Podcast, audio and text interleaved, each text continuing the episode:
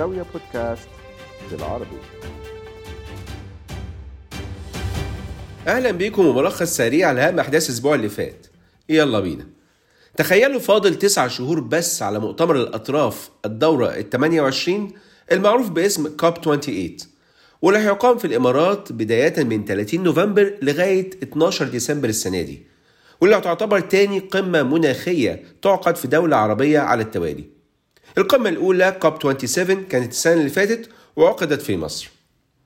وزير الصناعة والتكنولوجيا المتقدمة في الإمارات والرئيس المعين لمؤتمر كوب 28 سلطان بن أحمد الجابر قال إن الإمارات هتضع خارطة طريق للنسخة المقبلة بعيدة عن العمل التقليدي وكل ده في إطار الجهود العالمية لخفض ارتفاع درجة حرارة الأرض لواحد ونص درجة مئوية. واللي الجابر قال إنه هيحتاج خفض الانبعاثات العالمية بنسبة 43% بحلول سنة 2030 الجابر كان قال إن تقديرات خبراء الاقتصاد بتشير إلى إن خفض الانبعاثات بشكل شامل ممكن يخلق قيمة اقتصادية إضافية ممكن توصل ل 12 تريليون دولار على 2030 المثير للدهشة بقى إن الجابر هو نفسه الرئيس التنفيذي لشركة الطاقة الإماراتية أدنوك وهو كمان المبعوث الخاص للإمارات للتغير المناخي. ولكنه برضه رئيس مجلس إدارة أبو ظبي لطاقة المستقبل المعروفة باسم مصدر. آه كده ماشي. كلام الجابر جه خلال القمة العالمية للحكومات اللي تم عقدها في دبي الأسبوع اللي فات في الفترة من 13 لغاية 15 فبراير بحضور رؤساء 20 دولة وأكثر من 250 وزير و10000 مسؤول حكومي. خلال القمة تم تكريم وزير التعليم الأساسي والثانوي في سيراليون ديفيد شينجا لحصوله على جائزة أفضل وزير في العالم. وهو حاصل على درجة الدكتوراه وهو أول واحد يتولى منصب مسؤول الابتكار الأول في سيراليون من ضمن الرؤساء اللي حضروا في ضيافة الشيخ محمد بن زايد رئيس دولة الإمارات كان الرئيس المصري عبد الفتاح السيسي اللي حضر بنفسه واتكلم خلال حوار خاص عن تجربة مصر خلال ال 12 سنة اللي فاتوا والتحديات المتوازية اللي ما كانش ينفع تأجيل حل مشكلة على حساب مشكلة تانية. خلال القمة كمان الرئيس التركي رجب طيب أردوغان ألقى كلمة متلفزة أكد فيها على أهمية المنصات الثنائية والمتعددة في مجابهة الأزمات اللي بقت بتحاصر النظام العالمي. وشكر أكثر من 100 دولة قدمت الدعم لتركيا وخصوصا من دولة الإمارات في أعقاب كارثة الزلزال اللي وصفها بكارثة القرن. وقال إن غالبية ضحايا الزلزال من الجرحى البالغ عددهم أكثر من 81 ألف شخص خرجوا من المستشفيات. لكن لسه في ناس بيتلقوا العلاج. وإزاي إن فرق البحث والإنقاذ أنقذت أكثر من 8000 شخص من تحت الأنقاض؟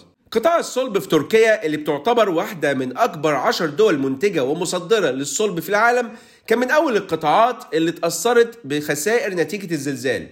بالفعل مصانع الصلب العملاقة في جنوب تركيا شكلها هتفضل مقفولة لأسابيع بعد توقف خطوط الإنتاج ويمكن لحد نص مارس.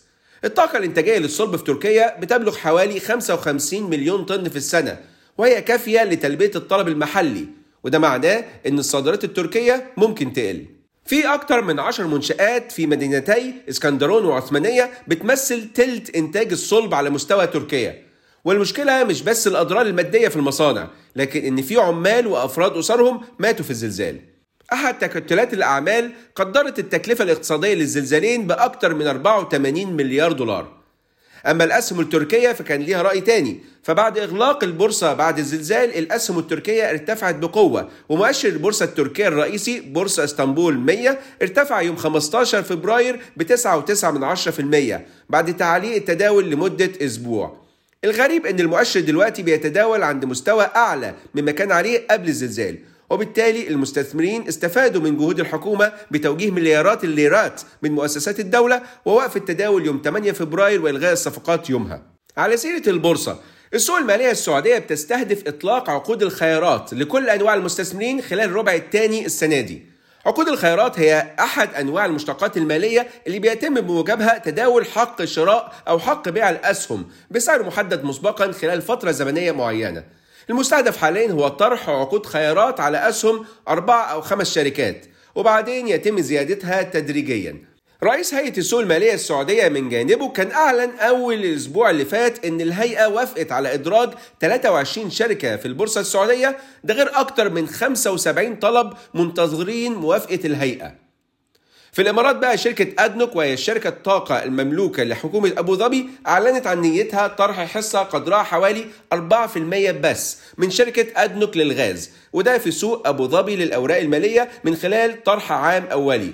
وبالتالي أدنوك هتفضل مالكة لنسبة 91% من رأس مال أدنوك للغاز بعد تحويلها لحوالي 5% من رأس مال أدنوك للغاز لشركة أبو ظبي الوطنية للطاقة المعروفة باسم طاقة. مصر برضه هتطرح بس مش أسهم بس دي هتطرح كمان ثلاث مزايدات عالمية السنة دي للتنقيب عن النفط والغاز حسب كلام وزير البترول المصري في معرض ومؤتمر مصر للبترول ايجيبس 2023 الوزير قال كمان إن احتياطيات مصر من الغاز في حقل نرجس اللي تم اكتشافه مؤخرا ممكن توصل لما بين 2 ل 2.5 تريليون قدم مكعب. على جانب تاني مصر بتستهدف زيادة صادراتها من الغاز الطبيعي المسال ب 40% ابتداء من 2025 وهيتم توجيه الجزء الأكبر من شحنات الوقود الإضافية لأوروبا اللي بتحاول تستبدل الغاز الروسي بغاز الشرق الأوسط والولايات المتحدة. من جانبها أعلنت الهيئة العامة لقناة السويس إنها ترفع الرسوم المفروضة على ناقلات البترول الخام والمشتقات البترولية المحملة والفارغة اللي بتمر في الاتجاهين. وهيتم تطبيق الرسوم الجديدة أول إبريل الجاي. وده تماشيا مع النمو الملحوظ في التجارة العالمية وتحسن اقتصاديات السفن وتطوير المجرى الملاحي وخدمة العبور لقناة السويس. الرسوم الإضافية للناقلات المحملة هتبقى 25% من رسوم العبور العادية بدل 5% قبل التعديل. والرسوم على الناقلات الفارغة هتبقى 15% بدل 5% وبالمرة كمان شركة ميرسك رفعت دعوى قضائية ضد شركة ايفر جرين مارين كورب بسبب تعطل الملاحة في قناة السويس سنة 2021 وده اللي خلى شركة خطوط الشحن تأخر أو تحول مسار سفن وبتطالب هي دلوقتي بحوالي 43 مليون دولار بسبب الخسائر اللي نتجت عن الحادث. ونروح للبنان اللي الوضع فيه مشتعل لا هو حرفيا مشتعل. محتجين أشعلوا النار بفروع البنوك في لبنان وحطموا واجهات بعض الفروع التانية يوم الخميس اللي فات.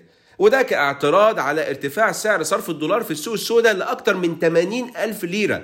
ده غير القيود المفروضة على عمليات سحب الأموال من البنوك من أكثر من ثلاث سنين. وطبعا غير الأوضاع الاقتصادية اللي بتتدهور بسرعة. من ناحيتها بنوك لبنان كانت ابتدت إضراب مفتوح للمطالبة بحل الأزمة المالية واتخاذ إجراءات زي تمرير قانون ال capital control اللي هيحط ضوابط على السحب والتحويل الخارج. وكمان قانون إعادة هيكلة البنوك اللي هو شرط من شروط صندوق النقد الدولي علشان لبنان يحصل على قرض. وفي هذه الأثناء في أكثر من 12 دولة طلبت الانضمام لمجموعة دول البريكس زي الأرجنتين والإمارات والجزائر ومصر والبحرين وإندونيسيا ده غير السعودية وإيران اللي طلبوا الانضمام بشكل رسمي. بس البريكس اللي بتضم البرازيل روسيا الهند الصين وجنوب أفريقيا لسه ما قرروش هيختاروا الدول على أساس إيه. وإيه هي المعايير اللي لازم الدول الجديدة تستوفيها للانضمام للتكتل الاقتصادي؟ فكرة التكتل كان عبارة عن اختصار ابتكره كبير الاقتصاديين في جولدمان ساكس جيم أونيل سنة 2001 وتم تشكيله في 2009 وبعدها تم قبول جنوب أفريقيا السنة اللي بعدها. من ساعتها والتكتل بيستفيد من علاقات تجارية أفضل بين الدول الأعضاء من خلال اتفاقات بنكية واتفاقات تبادل عملات وزيادة التجارة بينهم بالعملات المحلية برضو لتقليل الاعتماد على الدولار. لعب على كبير يعني. وبمناسبة اللعب صندوق الاستثمارات العامة السعودي رفع حصته في شركة نينتندو اليابانية تاني. مش بس كده ده كمان ضخ من خلال مجموعة سافي استثمار بقيمة 265 مليون دولار في شركة VSPO الصينية المتخصصة في مجال الرياضات الإلكترونية. وده أكبر استثمار مباشر في قطاع الألعاب الإلكترونية وهيخلي سافي أكبر مستثمر في الشركة.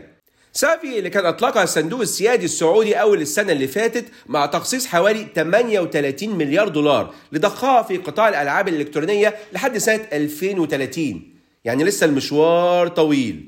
بس اللعب مش إلكتروني بس. في كلام إن مستثمرين قطريين هيقدموا عرض بحوالي 6 مليار دولار علشان يشتروا نادي مانشستر يونايتد.